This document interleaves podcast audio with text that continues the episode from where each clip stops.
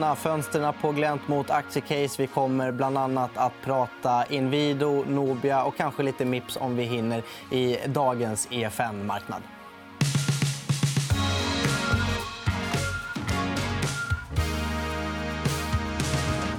Ja, och då ser det ut som så att vi kommer att börja prata om Inwido. För vi har dels analytiker Adela Dashian här i studion. Hej. Välkommen tillbaka. Du var med i Uppesittarkväll ja. ganska nyligen. Ja, tack så mycket. Mm. Och sen har vi också på länk direkt från Malmö Henrik Hjalmarsson som är vd på Inwido. Eh, grattis till en fin rapport i morse som marknaden verkar tycka om. Ja, tack så mycket. Eh, om du får sammanfatta den ganska kort, hur, hur skulle du göra det?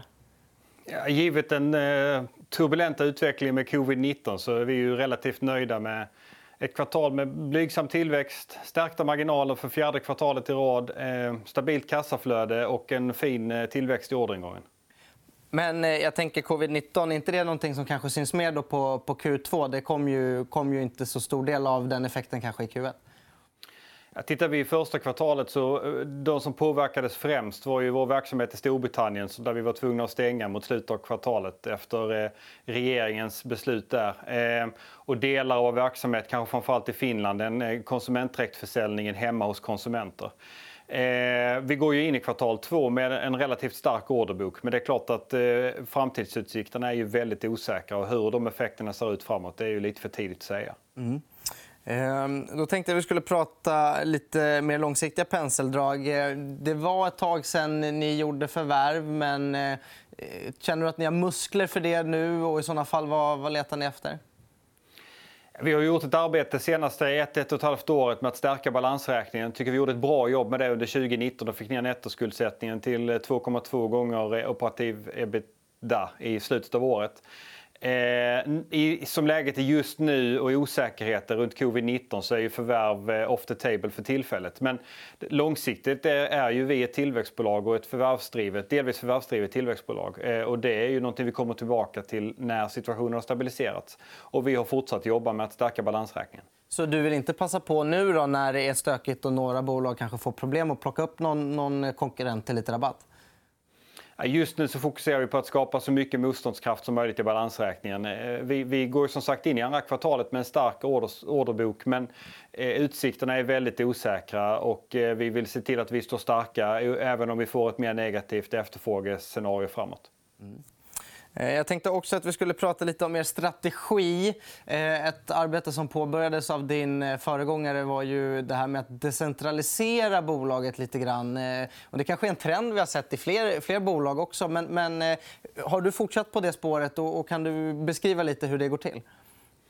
Ja, vi jobbade ju nära i ledningen för ett och ett halvt år sedan ungefär med att ta fram en ny eh, strategi under ledning av min företrädare och har ju implementerat den under förra året, egentligen hela förra året.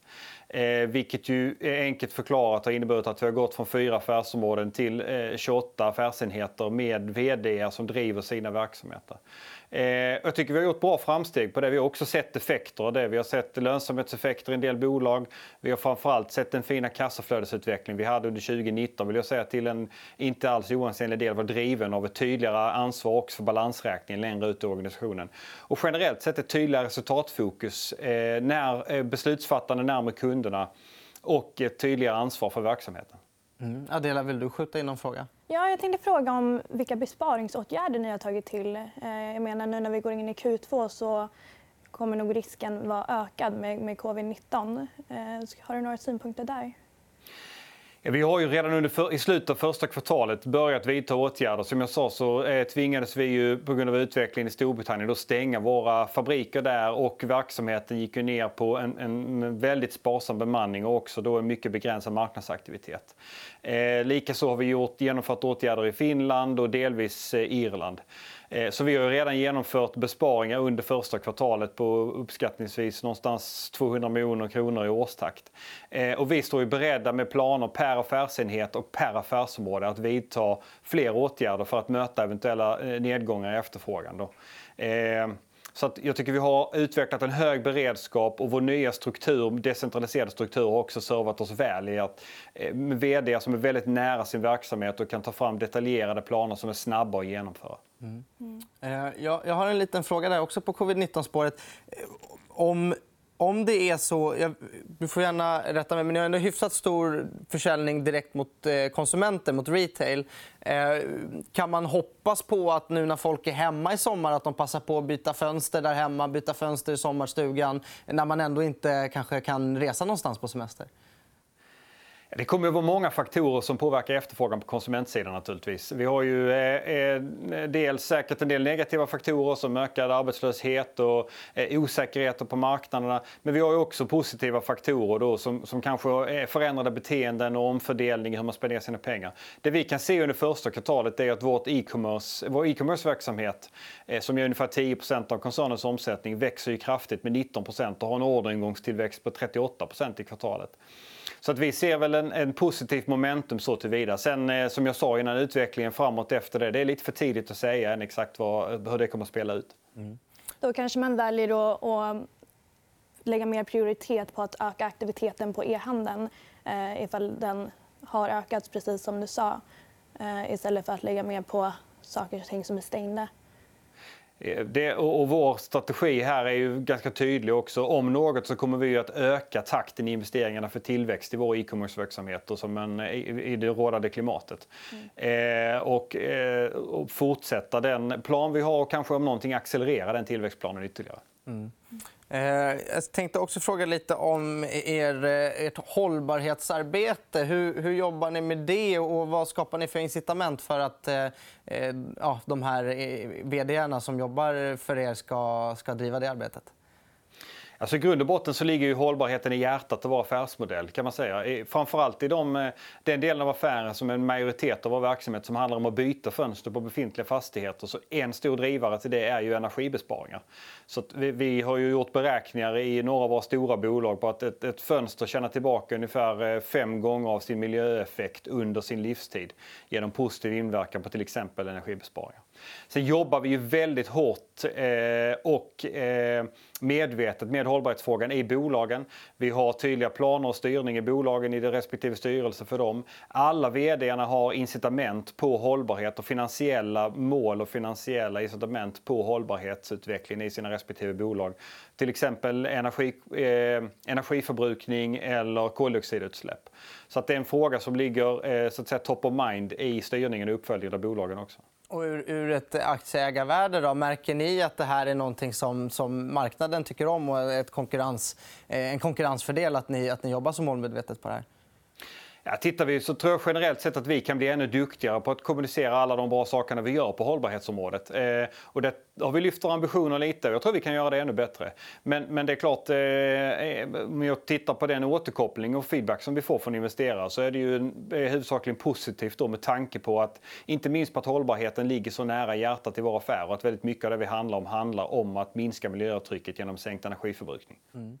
Eh, en eh, sista fråga. Det börjar bli dags att runda av den här delen. Men eh, jag tänker att det finns ju en del konkurrenter som har ganska stor tillverkning i andra länder i Sverige, kanske lite mer låglöneländer i vissa delar av Europa. Det har ju ni till viss del, men ni har kvar mycket tillverkning i Sverige. Är du orolig att det ska vara svårt att konkurrera med, med så att säga, dyrare tillverkning i Sverige mot de som tillverkar i, i lite billigare länder i Europa? Ja, nu är det ju, för det första, vi har ju eh, bara drygt 20% av vår försäljning i Sverige så en absolut majoritet är utanför Sverige. Men, men vi har ju mycket riktigt en strategi som går ut på lokal tillverkning. Och, och i grund och botten handlar det om att det vi säljer är eh, eh måttbeställda produkter, eh, made to order. 99% av det vi säljer är alltså unika produkter för den ordern.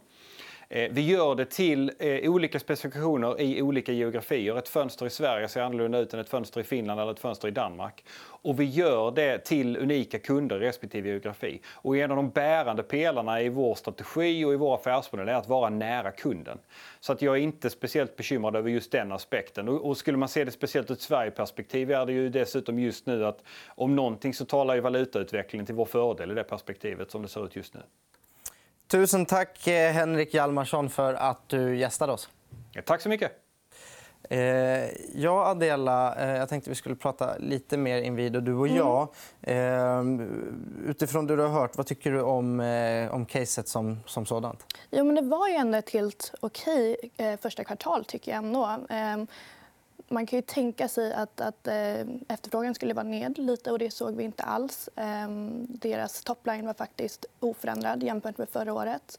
Och orderboken var faktiskt högre än förväntat. Och samma sak med deras profitability. Um, så ändå ett helt bra, okej kvartal eh, trots covid-19. Mm. Eh, om vi blickar framåt eh, så är frågan om renovationsmarknaden är ju liksom i center då. Kommer det här påverka hur vi som privatkonsumenter tänker på om, om vad, vad, vi ska lägga pengar på i framtiden um, och så vidare så, så det är självklart att osäkerheten finns ju fortfarande kvar. Speciellt nu när vi går in i Q2 um, ehm, och om det blir en förlängd eh, liksom total lockdown i de flesta länderna i Europa och i Norden. Just det. Eh, vi har lite bilder på eh, försäljningen och orderingången som vi kan titta på mm. bara för att få en liten bild av det. Där har vi dem. Ja, och då ser vi 2018-2019 och den gröna stapeln är, är 2020. Så stark ja. orderingång än så länge. Vi kan också titta på Eh, vi har en över marginalen som eh, vi kan följa upp med. och Den kommer nog alldeles strax. Eh, och den ser ut så där. Så då ja. ser vi en förbättring mot 2019. Precis. Har du någon teori om vad det är som driver att det är bättre 2019 än, än, eller 2020 än 2019? Jo, men de har ju lyckats med... I vissa fall så har det resulterat i, eller besparingar har resulterat i att de, att de har lyckats få upp marginalen om man jämför med förra året. Men det är liksom ett, ett, ett, vad man kallar ett proof på att de lyckas trots att det är osäkert i marknaden. Mm. Så det är bara positivt för, för Inwido. Och eh, jag tycker ändå att, att eh, aktiemarknaden har reagerat likadant i och med att aktien är upp idag. Mm. Just det. Ehm, vi, eh, och, och, och, allt som allt, Inwido en, två, tre år framöver. Vad, vad, tycker du? Är det köp eller håll? Eller? Ja, just nu har jag håll på dem. Ja. Ehm, men deras case har ju grundat sig på eh, acquisitions.